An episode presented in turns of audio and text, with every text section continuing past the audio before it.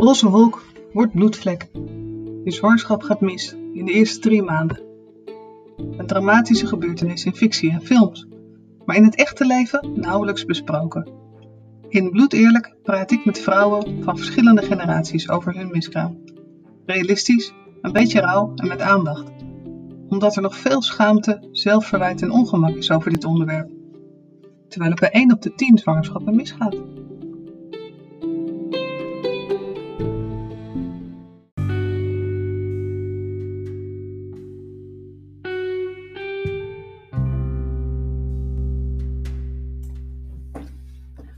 Verhalen moeten kennelijk langer rijpen voor je ze kunt vertellen. Al van de zomer deed ik een opname met Josien Wijnakker, een hele bijzondere vrouw. En vervolgens stelde ik de montage uit. Praktische redenen, maar misschien ook omdat ik haar verhaal zo confronterend vind. De uitkomst was bij Josien namelijk wat iedereen vreest die een keer een miskraam meemaakt. Jij krijgt geen eigen kinderen. Josien is inmiddels 67 en ze schreef voor mij is het grotendeels voldragen verdriet, zoals ze het zo mooi noemt. En haar verhaal is, zoals ze zegt, een uiterste. Iemand zit aan het einde van de statistiek en dat zijn jullie, al dus haar arts destijds. Van een eh, loopbaancoach in een net pakje, een hoofd op pootjes, zoals ze zelf zegt, werd ze uiteindelijk haptonome. En vorig jaar verscheen haar boek, Onderbroken, Contact met je wijze lijf. Dat boek gaat niet specifiek over miskramen, maar het is zeker een aanrader voor iedereen die lichaam en geest meer in op balans wil brengen. Josien schreef ook dat de podcast herinneringen bovenbrengt en dat het erkenning geeft en dat dat goed doet. En ook hoopt ze dat jonge aanstaande moeders en vaders niet afgeschrikt worden door haar verhaal. Het is een pech die je kunt hebben. Ik vind Josien heel bijzonder omdat ze niet verbitterd is, maar sterker is geworden en anderen helpt. En daarom vind ik haar verhaal het luisteren waard.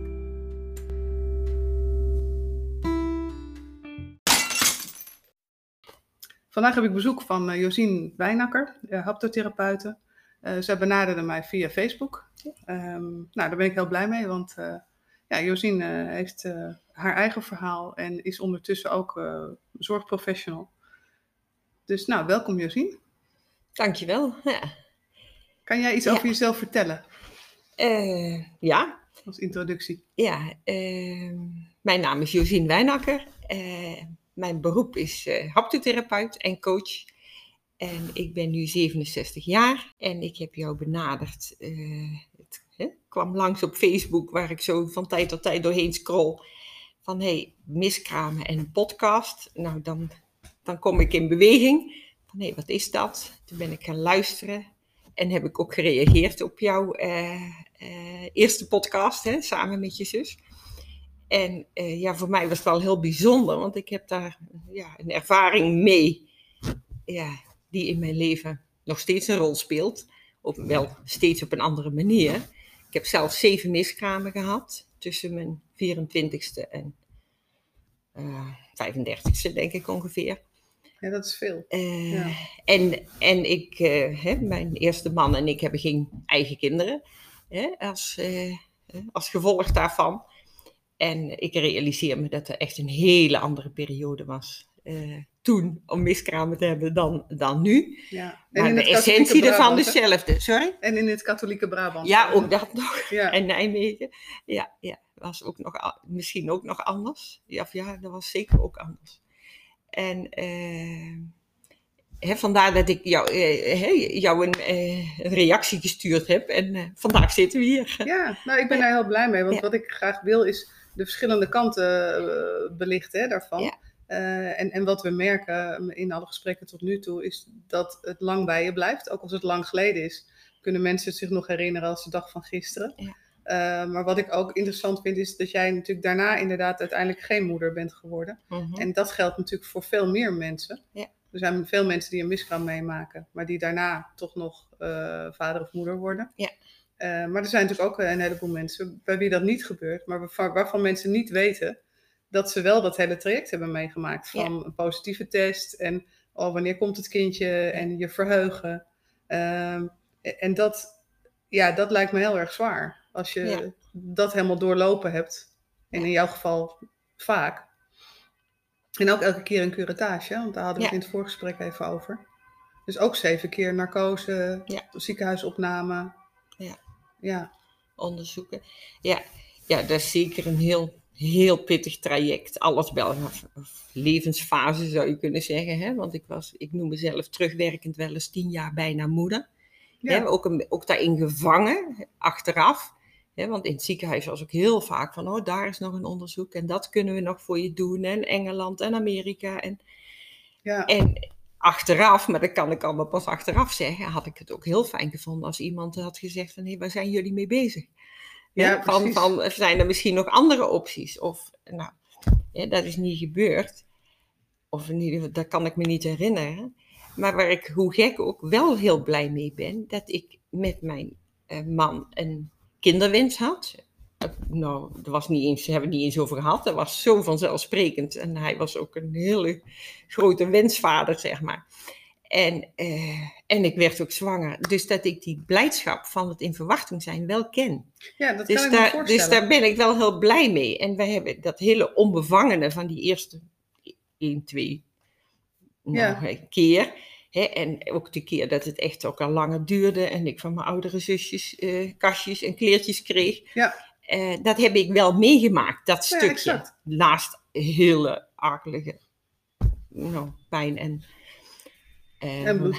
en, en bloed, waar Ja. moest ik ook aan denken. Hè? Jouw, Ja, podcast dat- heet Bloed Eerlijk. Nou, daar, daar zou ik ook een boek over kunnen schrijven. Ja, maar dat is het gedeelte waar ehm, ik ook feedback kreeg laatst van iemand die zei: Ja, ik, ik wist helemaal niet dat dat erbij kwam kijken. Ik dacht dat het een zware menstruatie was en dan was je klaar. Ja.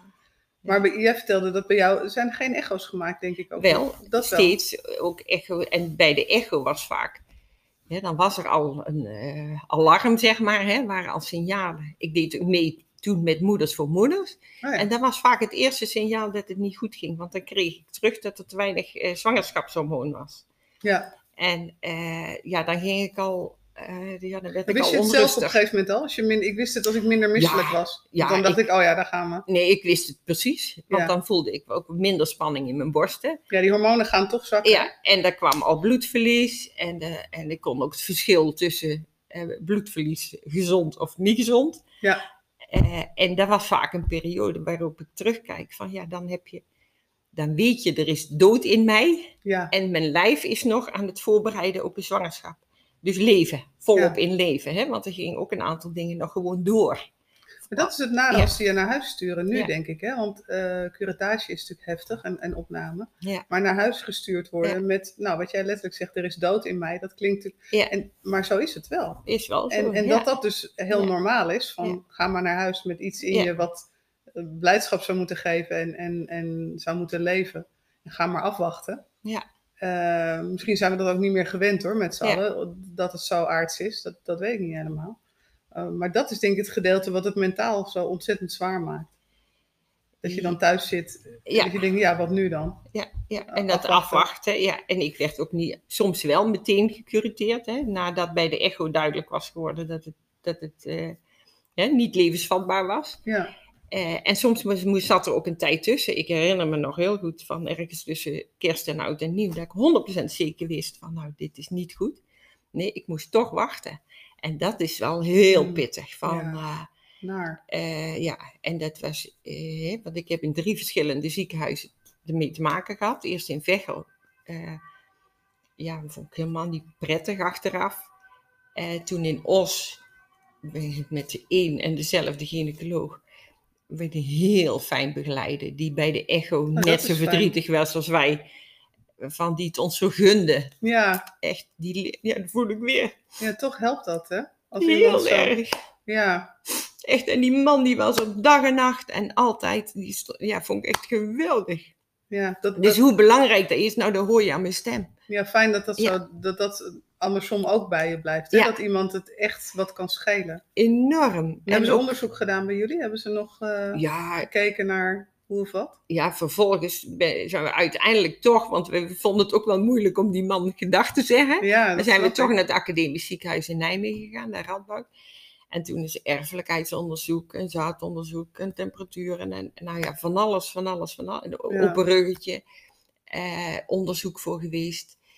Eh, ja, En dat was, uiteindelijk was het, eh, en ja, daar kan ik op zich ook wel vrede mee hebben, van uh, toen was het 1 op de 10, nu is het nog zelfs meer geloof ik. Ja, Vrouwen de, krijgt een miskraam. Hè, of ik hoor, stellen ik hoorde zelfs uh, inmiddels inderdaad 2 op de 10, kan je rustig wel zeggen. Zo, ja. je moest kijken. Hè, maar er is een curve in de statistiek die eindigt nooit op nul. Nee. En iemand moet achteraan zitten. Nou, die, dat was jij. Die zegen, die heb ik. Hè, en, ja. en dat is, ja, zo, ja hè, van, in feite waren wij en zijn we gelukkig waren we, want willen is er niet meer. Maar had het jou geholpen als je het waarom had geweten? Of heb je zoiets van, dat maakt niet zo uit? Nou, uiteindelijk wist ik pas helemaal op het eind, want toen bij de uh, zevende miskraam, toen voelde ik me na, achteraf, ik ging vrij snel weer aan het werk en ik voelde me goed. Ik denk, hé, wat, voelde me anders dan anders. En toen werd ik gebeld door het ziekenhuis van, uh, ja, hoe ik me voelde, want ik, of ik weer terug wilde komen, want ze hadden nog zwangerschapshormoon in het bloed gevonden. Oh. Bij, na de curettage. En toen moest ik acuut naar het ziekenhuis, want ik zou een buitenbaarmoedelijke zwangerschap kunnen hebben, alsnog. Oh jee. En toen is gebleken dat ik een dubbele baarmoeder heb. En toen, dat is waar, en dat, dat is, in jouw boek. Ja. ja. En dat is achteraf, en dat is eigenlijk pas ook nog voor kort geleden via een andere route, duidelijk geworden dat dat naar alle waarschijnlijkheid de oorzaak is geweest. Maar ze hebben jou zeven keer gecureteerd en nooit ontdekt dat je een dubbele baarmoeder hebt. Nee, en dat kan. Bizar? Ja, dat heb ik ook altijd heel gek gevonden. Ja. Heb ik ook altijd heel gek gevonden. komt dat vaak voor? Weet ik niet. Weet nee, ik niet. Want het klinkt, het klinkt bijzonder, zeg maar. Ja. En niet, niet leuk bijzonder. Nee, maar, nee dat was, was het ook. En ik heb uh, uh, één kennis uit die tijd, een vriendin, die, die had dat volgens mij ook. En die moest heel lang nou, op bed liggen. liggen. En en toen is ons nog wel voorgesteld om in Leiden een operatie te laten doen. Nou, weer een heel traject en daar hebben wij niet meer voor gekozen. Ik kan me dat zo voorstellen. Ik had bij de derde namelijk ook zoiets van. Uh, misschien was ik wel eerder aan het opgeven al hoor. Van als, als dit niet lukt, dan vind ik het geloof ik wel best zo. Ik vond het zo heftig. En wat jij volgens mij ook beschrijft, dat je een soort verbetenheid bij jezelf gaat herkennen. Ja. Van het moet en het zal. Oh. En dat verpest eigenlijk zoveel jaar van je leven dan. Ja. Ik, uh, maar dat is kennelijk natuurlijk of zo. Ja, die, die het enorme oerdrang, ja. uh, faalangst niet te vergeten. Hè, want elke vrouw kan het. En ja. ook vrouwen die op brombers rijden, die roken, die jointjes roken, die, uh, ja. die, die niet gezond eten, die wel, wel een wijntje drinken. Dus er zat ook boosheid bij, hè, van, van potver, nou, enzovoort. En tegelijkertijd was het wat het was. Ja, precies. Ja, hè, van ja, want jij bent zelf hulpverlener. Hè? Ik bedoel, eh, heeft dat, heeft dat jou geholpen om daar? Of dat, eh, nou, ik, ik denk eerder, om, eerder omgekeerd. Want ik, ik, ik, hè, mijn eerste vak, of ja, mijn tweede vak is personeel- en organisatieadvies. Hè, een trainer en coach. Loopbaanadviseur ben ik lang geweest. En van daaruit ben ik door een coach, hè, waardoor ik zelf vastliep, want ik noemde mezelf een hoofd op pootjes. Want over die miskramen, daar, daar, zeker in die toen dat allemaal actueel was.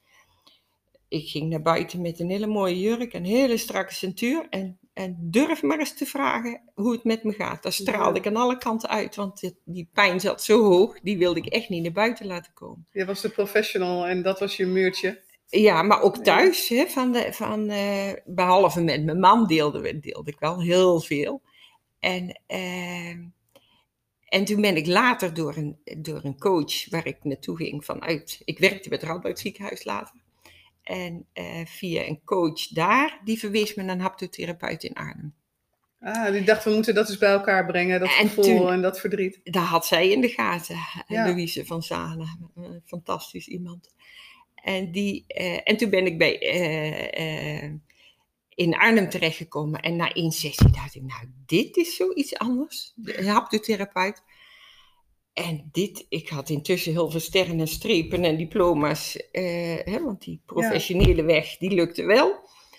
En, uh, en toen ben ik al heel gauw van de ene haptotherapeut naar de andere. En, en uh, workshops kan volgen en de opleiding kan volgen. Dus, dus, als ik geen miskraam had gehad, was ik echt geen haptotherapeut geworden. Oh, Oké, dus dit is echt een oorzaak. Ja. Misschien goed om te vertellen voor luisteraars. Dat uh, wij ontdekten toen we contact kregen dat mijn moeder is ook haptotherapeut. Heeft zelfs les gegeven op de academie. Dus, en jullie kennen elkaar. Zeker. Sterker nog, mijn moeder had jouw boek met persoonlijke inscriptie. Dus dat is ontzettend uh, grappig. Dus we ontdekten gelijk een connectie. Ik, ik ben dus een beetje opgegroeid met, met haptonomie. Maar misschien kan jij heel kort even uitleggen wat haptonomie is, voor mensen die het niet kennen? Ja, haptonomie is de, is de wetenschap van, van de affectiviteit. Hè? Van, heeft alles met het gevoelsleven te maken.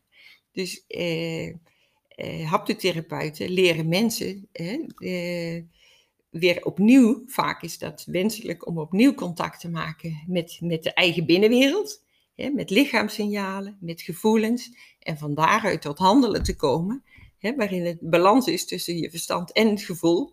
Dus niet alleen het hoofd op pootjes, wat, zoals ik me vroeger noemde, maar echt een mens van top tot teen en dat alles meedoet. En, holistisch eigenlijk, hè? Dus... Zeer holistisch. Ja. Of ja, ja, het kan niet anders, want we zijn één geheel. Maar vooral ook, wat ik er heel mooi aan vind, hè, eh, haptonomie gaat echt over de directe beleving. En daar is, valt zoveel te winnen. Dus de, ja, in, de, in de geneeskunde zie je dat natuurlijk nog. Hè? Dat mensen zeggen, is het lichamelijk of is het geestelijk? Ja, dus en voor een autonoom is dat een hele gekke vraag, ja, toch? Ja, Dat je denkt, ja, hoezo is het lichamelijk of is het geestelijk? Het hoort, het hoort bij elkaar, hè? En je doet het jezelf vaak aan. Hè? Je zet jezelf helemaal vast. Ja. Ehm, en, en dat is denk ik misschien ook waarom ik het onderwerp van die miskramen wel interessant mhm. vind. Omdat, mhm. ja, we hadden het ook net even bij de koffie over oud zeren. Het is natuurlijk oud zeer. Ja. En de een heeft er veel meer last van dan de ander. Maar het is wel oud zeer. En bij mij komt het bijvoorbeeld ook heel vaak boven met nou, televisies of films of zo. Wat jij zegt, soms dan overvalt het je. Ja. En dan verwacht je het niet. Ben je een hele leuke film aan het kijken. En dan ineens zit, stomt het je zo in je maag. En dan ben je zelf weer terug ja. Uh, daar. Uh, en ik, ik, denk dat alle... Nou ja, inmiddels weten we dat mannen dat net zo goed hebben. Mannen en vrouwen dat, die dat meegemaakt hebben. Dat in eens in zoveel tijd uh, meemaken. Ja, Zeker, hè? want eh, mijn eerste man die is, die is op zijn 57ste overleden. Toen waren we niet meer bij elkaar. Mm. Hè? is al intussen met, met iemand anders getrouwd. We zijn wel tot zijn overlijden heel goed bevriend geweest. En uh, zijn broer heeft een boekje geschreven toen hij uh, naar Santiago de Compostela liep. En daarover een verhaal geschreven. En daar komt een passage in voor dat hij op bezoek gaat bij Wil, hè, mijn eerste man. En ja, dat raakt me nog steeds van hoeveel pijn hij heeft gehad. Ja, van, van... Toen was hij al, ik weet het niet, toen was hij misschien 50, of de, ja, die getallen weet ik allemaal niet precies. Maar toen kon hij, vertelde hij dus tegen zijn broer, vond hij het nog heel moeilijk om naast een zwangere iemand te zitten. Als zijn, nichtje, als zijn nichtje zwanger was, ja. dan, dan, dan hoorde hij dat, maar dan wilde hij echt op afstand houden. Ja, dan sloot hij zich een beetje af. Ja, en dus ik ben ook super blij dat er nu wel iemand is opgestaan hè, om de vader ook die aandacht te geven. Ja. Dat vind ik echt heel erg goed en ook heel belangrijk. En ja, ik had dat wil heel erg gegund, maar zo is het niet gelopen. Nee, precies. Van, uh, en dat is, hè, als ik zeg zo is het niet gelopen, uh, ja, dan heb ik ook wel heel erg van wat ik met Wil ook deelde, dat van dit is ons lot. En dat, kon, dat hielp ons heel erg. Dus niet alles is maakbaar. Dat jullie dat samen zo beleefd hebben, is natuurlijk heel knap. Hè? Want je hoort natuurlijk heel vaak als mensen een kind verliezen of een zwangerschap verliezen, dat het mensen juist uit elkaar drijft. Hè? Het, nou, gaat twee kanten op. Ja, dat is bij ons uiteindelijk ook gebeurd. Ik zat van in die hele periode is net een zandlopen. Hè? Eerst groeiden we heel erg naar elkaar toe. Hè? Wij gaan dit samen. Hè? Ja. Dat, kunnen wij samen. En uiteindelijk zijn we ook uit elkaar gegroeid en heeft het ook tot een scheiding geleid. En eh, het was echt, wij konden elkaar daar niet meer in vinden. Ook al probeerden we met een verhuizing en nieuwe fietsen en een nieuwe tent en nieuwe vakanties en het hielp aan me niks. En de hond. ja, precies. Ja. Van, uh, hè, dus, ja. Had je wel het idee dat dat, dat de onderliggende oorzaak was? Dat die uh, kinderloosheid er wel onder lag? Zeg ja, maar? ja, zeker. zeker. Ja, ja het, het, het lijkt me heel zwaar om, uh, om, om, om, te dragen, zeg maar, met elkaar. Maar ik, las in jouw boek, en dat vond ik wel weer heel mooi. Ik heb het volgens mij gemarkeerd hier, mm -hmm. je kunt het niet zien. Dat jij zei van, uiteindelijk ben ik toch een soort van dragende baarmoeder geworden. Hè? ja. Ja, dat is, ja. Ik, ik, vond dat wel heel mooi. Je moet wel het hele boek gelezen hebben om dat goed te, te, te, te, te plaatsen, zeg maar. Maar ja, je draagt nu mensen eigenlijk. Ja. En dat vond ik wel, vond ik ja, mooi. Ja, en dat is ook wel iets wat, wat mij heel veel voldoening geeft. Hè? Van, van, ik, heb nu, ik noem mijzelf nu niet meer ongewenst kinderloos. Ik heb feitelijk geen eigen kinderen. Ja. ja maar er zijn intussen, heb ik met mijn huidige man, uh, hè, mag ik oma zijn voor zijn drie kleinkinderen. Nou, dus, oh, heerlijk. Dus ik heb intussen ook heel veel van, van, van dat deel wel meegemaakt. Hè. Wij hebben kinderbedjes in huis gehad en, en, flesjes, en, gedaan. en flesjes en luiers en, en een kersttafel met een, met een heel, hele family. Ja. Daar hebben we ontzettend van genoten en nog steeds, maar intussen... Maar dat is natuurlijk het punt. Hè? Als je natuurlijk uh, um, kinderloosheid gaat natuurlijk heel ver door. Hè? Het is inderdaad ook. Ik hoorde het laatst van mensen die zeiden van ja, weet je, als de kinderen het huis uitgaan, dan heb ik mijn vrienden weer een beetje terug. Maar dan worden ze opa of oma en dan begint het hele feest weer van voren af aan. Want dan praten ze alleen nog maar daarover en dan ben ik weer buitengesloten. Ja. Dus dat, ja. En als dat niet je wens is, uh, dan uh, word je daar natuurlijk elke keer weer, moet je in een nieuwe fase van je leven daar elke keer weer mee dealen. Ja. Uh, dat zal je als therapeut natuurlijk ook wel vaak zien bij cliënten, denk ik. Ja, het is bij, zeker bij cliënten, maar ook bij mezelf. Om, hè, ik heb vier broers en vier zussen en die hebben allemaal kinderen. En per gezin wordt die boom hoe langer, hoe dikker. Ja. En ja, ik blijf toch hè, van, van de kinderen van mijn man, die horen er wel bij voor mijn, voor ja. mijn gevoel, maar die horen niet bij onze basisfamilie, zeg nee, maar. Exact. Hè. En, uh, ja, en dat gegeven, ja, dat, dat is de, hè, bij... Want het zat bij jou niet in de familie. Het is niet zo dat jou... Heb jij broers of zussen? Vier broers en vier zussen, allebei. Oh jeetje, wat een grote ja. Brabantse familie. Ja, en het eerste ja. kind, dat vind ik ook nog wel belangrijk om te zeggen hier in dit verband. Hè, die is op de eerste dag overleden. Ja. En daar, het enige wat ik daarvan mijn, heb meegekregen of onthouden, praat daar maar niet over, want dat is zo erg voor mama.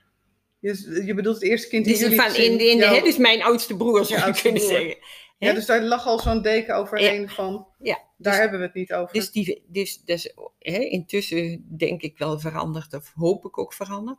Maar het was zo'n groot taboe en zo'n pijn. Als, en het idee was in destijds, ja. als we er niet over praten, dan doet het geen zeer. Ja. Nou, intussen weten we, en zeker weet ik dat als haptotherapeut, dat dat anders is. Ja. ja. Maar, en bij mijn... is dat nog steeds denk ik wel het ja. geval, hè? Daar hadden we het ook even over. Ja, als je vertelt over miskramen, dan, ja, ik noem dat gekscheren nu met mijn man, dan verpest je het feestje. Ja, ja dat Van, is zo. Ja. Ik heb het wel eens Het is geen gezellig gedaan. onderwerp. ja, maar je voelt je soms ook wel, uh, uh, het is bijna agressief als je het doet, hè? Ja. Ik, ik heb wel eens gehad, bij ons dat tussen de eerste en de tweede, Ja. dat iemand dan zo opgewekt vraagt van, en wanneer komt de tweede? Want er zit bij ons bijna vier jaar tussen. Oh ja. En dat ik, toen was ik zo boos ook, nou je kent dat gevoel, omdat het dus niet goed ging, dat ik zei, nou, ik heb net een miskraam gehad, dus als jij het weet, mag jij het zeggen. En dat was natuurlijk heel gemeen van mij, want diegene bedoelde dat opgewekt als conversatie. En er zat helemaal geen kwade intentie achter. En achteraf heb je dan ook zo'n spijt, omdat je denkt, ja, wat, je, je haalt veel te sterk uit naar iemand. Ja, maar misschien was het toch wel nodig. Ja. Want, want als het zo vaak niet benoemd wordt, dan kan het ook niet anders dat het ook wat Ja. heftiger naar voren komt. Dus eh, in die zin heb ik alle begrip voor je. Ja, Ja, precies. kan ik me dat heel goed voorstellen. Ja. Nou, en ik denk vooral, ik vind het wel eh, goed om te horen dat jij een achtergrond hebt in personeel en organisatie. Ja. Want met name op de werkvloer merk je dat als mensen daar dus niet over praten. Ja, hoe moet je nou, die vaders ook, hè, hoe moet je nou Ja. functioneren als je Ja. net eh, thuis zoiets hebt meegemaakt? Ja. En eh, ik heb collega's gehad die nog met het, met het kraamverband bij wijze van spreken tussen hun benen rondliepen en niemand mocht het weten. Ja. Ja, zo bizar. En dat gebeurt nog steeds. ja, en dat is echt een hele eenzame route. Nogal. Ja. van, van eh, ja, hè, van, ja ook, ook tijdens het, het, het, het, eh, de dagen voor de miskraam, zeg maar. Ja. Van de angst als je naar het toilet gaat, of het bloedverlies, of net verschoond en weer moeten verschonen. En je moet intussen, wat ik ook ooit meegemaakt heb, een presentatie houden ergens. En je zit op de eerste rij, je kunt niet naar het toilet, je voelt het niet goed gaan. Denk, oh god, en toen dacht ik ook, nou, ik ben vast niet de enige Nee. die dit meemaakt in, in, in conferenties of gewoon in de vergadering of op de werkvloer. Ja, Wat er intussen in je lijf allemaal gebeurt, wat je in stilte zit te dragen.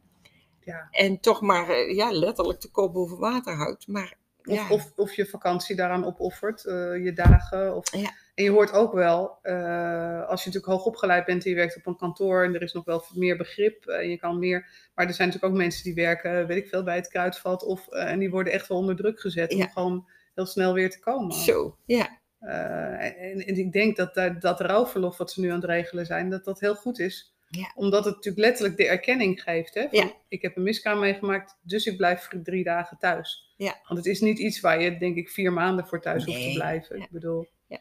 eh, maar een- een paar dagen heb je echt wel eh, nodig. Ja, het, ont, het ontregelt hè, je hele hormoonsysteem, hè, nog los van het bloedverlies of de spijsvertering, weer dat het allemaal normaal op gang is. Ja, Ehm, en dus, ja, dat is natuurlijk ook bij iedereen verschillend, maar je lijf heeft nogal wat te verstouwen, letterlijk.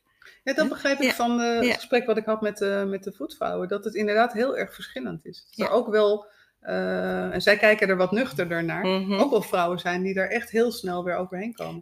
Dat kan ook. Ja. En, dit, eh, hè, en ik, ik denk vooral als het zo natuurlijk mogelijk kan. Dus misschien niet altijd met een curettage, maar daar heb ik zelf geen ervaring mee. Misschien dat dat makkelijker is, dat weet ik niet. Ja, ik heb het allebei meegemaakt. Allebei, ik vond de ja. curettage prettiger hoor. Ja. zelf. Ja, want dan, dan weet je in ieder geval dat het goed is. Maar, Ja. ja. Ja. Ja, want je hoort ook heel vaak dat mensen alsnog gecureteerd moeten Ja, worden. dus ja, dan heb je ja, dus ja. en het bloedverlies en de kramp. En Ja.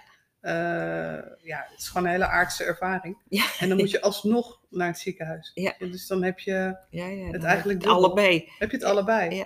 Ja. En dat, ik vind dat dat echt vaak gebeurt. Ja. Eh, dus dat is best wel een beetje merkwaardig. En ik, ik was nog wel benieuwd inderdaad. Wat, wat zou jij graag anders zien bij zorgverleners bijvoorbeeld? In, in hoe daarmee omgegaan wordt? Ehm, ja, eh, eh, ja, want ik voel me intussen al twee generaties verder. Hè? Dus het is een hele. Ik Ja, denk dat je er natuurlijk wel mensen spreekt vaak in je ja, praktijk. eh, ja van, van ik heb me ja, ook bewust, zeg maar, niet gespecialiseerd rond dit thema, want dat had ik kunnen doen, maar daar heb ik niet voor gekozen. Eh, maar ik kom het wel tegen in de praktijk, hè, vanzelf. Gewoon omdat het bij, bij het leven hoort exact, van iedereen. ja. Van, eh, dan ben ik jouw vraag even kwijt. Nee, want wat je graag anders zou willen zien in de Oh, zorg. ja. Want Ja. eh, wat mij opvalt is dat Ja. mensen vaak zo refereren aan eh, toen zei die dit, of ik had dat eigenlijk liever niet gewild. Ja. Eh, en ik dacht, jij hoort natuurlijk inderdaad de verhalen waarschijnlijk geregeld, juist omdat het zo vaak voorkomt. Eh, ja, dan is het toch wel heel, hè, dan kom ik weer, eh nou, de combinatie van mijn oude vak en het nieuwe vak. Ik vind het natuurlijk heel fijn als iemand deskundig is, dus als het effectief en efficiënt gebeurt. Hè, gewoon de deskundigheid heb je nodig. Maar daarnaast, en dat is de derde poot, de, de affectiviteit. En dat is zo, Ja. ja. zo ontzettend belangrijk. Dat de, hè, de, gewoon een inleving of eens een keer doorgevraagd wordt. Dat is Eh, anders dan empathie, hè? Affectiviteit. Eh, ja, de, de, eh, gewoon dat, het, ja, dat het niet alleen maar een technisch iets is, maar dat het heel veel met je doet, met je hele mens zijn. Ja. In, eh, de, en, en ja, dan is het fijn als iemand empathisch is, hè, daarin in, in het totaal meeleeft, zeg maar. Exact. En waar we in het voorgesprek over had, hadden, wat ik ook in mijn praktijk graag doorgeef, zeg maar. Van, eh, de kunst is om niet te veel te dramatiseren, want het hoeft ook weer niet groter te worden dan het is. Maar ook niet te bagatelliseren. En dat laatste is met miskramen, denk ik voor heel veel vrouwen en mannen het geval. Ja. ja, maar het was toch nog heel vroeg en gelukkig dat het hè, de natuur zijn gang ging. Ja. En eh, nou, jullie krijgen vast een tweede kans en eh, nou komt allemaal weer weer goed. Hè, dus En die- door. ja, ja, en door. Hè, Ja. van, eh, hè, dus omdat echt in zijn per persoon, die, eh, elk mens ervaart het anders. En, en daarna kijken, wat heeft die persoon over dit onderwerp en met deze ervaring, Ja. wat beleeft hij en, en wat heeft die nodig? En dat is voor zorgverleners heel moeilijk, hè? Ja. Juist omdat het voor hen zo routine is. Het protocol op het een. ja. Ja. Protocol hoppakee, inderdaad. En wat, eh, wat, wat raad je jonge vrouwen aan, zeg maar? Als je, wat jij ook zegt, je hebt natuurlijk nichtjes. eh, eh, je hebt ook mensen in je omgeving die, eh, die nu kinderen krijgen, zeg maar. Eh, ja, dan is heel, ook heel. Ik heb ooit op een, eh, op een verjaardag gezeten naast een vroedvrouw. En die vertelde, ze zei van ja, dus in een andere tijd dan, dan, dan mijn ervaring met miskraam. Zei ze van, het is allemaal zo, zo eh, perfect voorbereid en zo'n prachtige babykamertjes en alles prachtig en de baby shower en noem maar op. Ze zei, ik heb dan af en toe de neiging om een keer op het behang te spugen. en uh, nou, ik vond het zo'n geweldige opmerking, zo van, van de realiteit van het leven. Hè? Ja. Van, ik heb één tante, eh, die heeft eh, tien eigen kinderen, maar nog veel meer, ook miskramen, ook doodgeboren kinderen. En dat was daar hoorde erbij, hè? van dat was bij dat gezin. Hè? Dus, en dat is weer een generatie terug. Hè? Ja, maar dus dat mis je nu. Het wordt individueler. Hè? Ja. En mensen hebben, komen ook wat kleinere gezinnen. Want jij komt dan uit een gezin van negen. Tien bij elkaar, negen, negen levende kinderen. Ja, maar tien in totaal. Ja. Uh, nou, en dat wordt natuurlijk alleen kleiner. Dus je ziet, mijn kinderen zien bijvoorbeeld ook, die wonen niet heel dicht bij hun uh, nichtjes. En uh, dus je, je, maakt dat niet meer van heel dichtbij mee. En vroeger was dat natuurlijk, bij wijze van spreken, werd er iemand geboren in de kamer naast je. Ja. En wist je dat het pijn deed. En wist je dat het uh, niet leuk was. Ja. Uh, en, en nu, je ziet de perfecte plaatjes inderdaad op Instagram. En, en het, het maximaanverband wordt niet getoond. nou ja, maar daarom heet het ook bloed eerlijk, omdat dat gedeelte, en dat moeten we aan elkaar vertellen, weet je, dat het, dat het bloederig is en dat het naar is. Uh, en dat je dat dus niet alleen hoeft te, te verdragen, omdat we dat allemaal uh, met een beetje pech uh, een keer meemaken. En in jouw geval dan heel vaak. En dat het ontzettend verdrietig is. Maar dat het wel helpt als je dat een beetje kan delen met elkaar. Maar ook dat het leven niet altijd maakbaar is. Dat is mijn een hele grote les voor mij. Maar ook, dat is wel iets als je zegt van... Hey, wat zou je door willen geven, ook aan jonge vrouwen? Van ja, dit kan dus gebeuren. En je kunt een miskraam meemaken, of misschien wel, wel meer dan één. En dat doet, nou, daar komt veel bloed bij kijken en nog veel meer andere narigheid. En misschien is het ook een mooie ervaring. Dat is voor iedereen verschillend.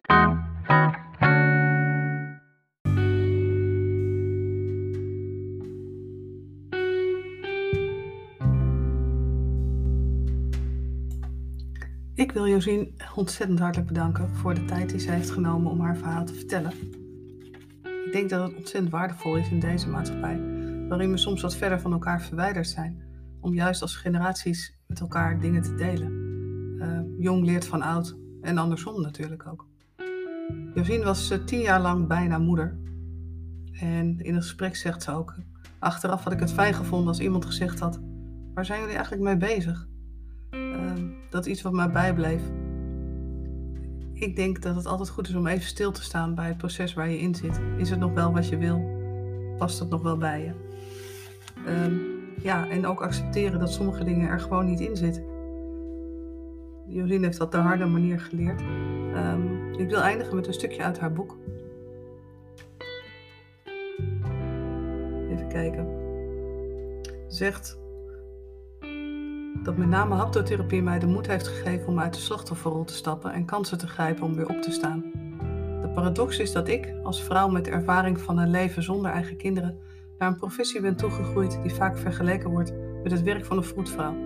In mijn haptotherapiepraktijk stimuleer ik wat er feitelijk gebeurt. Ik help mensen zichzelf te verlossen en laat de natuur zijn gang gaan bij het openbaren wat geleefd wil worden. Ik denk dat dat mooi gezegd is. Ik heb er ook weinig aan toe te voegen, behalve lees het boek en verdiep je erin. En ik hoop dat het helpt. De volgende keer gaan we de wereld verkennen van een miskraam na een IVF-behandeling. Ik hoop dat je weer luistert. Wil je bijdragen aan deze podcast of heb je een suggestie voor een gast? Mail dan naar anja.corbijncs.nl Heb je hulp nodig of wil je praten over het verwerken van een miskraam? Je kunt contact opnemen met je huisarts of kijk op miskraamverwerken.nl. Bloed Eerlijk is een onafhankelijke productie van Corbijn CS van Anja Corbijn. Ik ben contentmaker en financieel journalist en maak deze podcast op persoonlijke titel.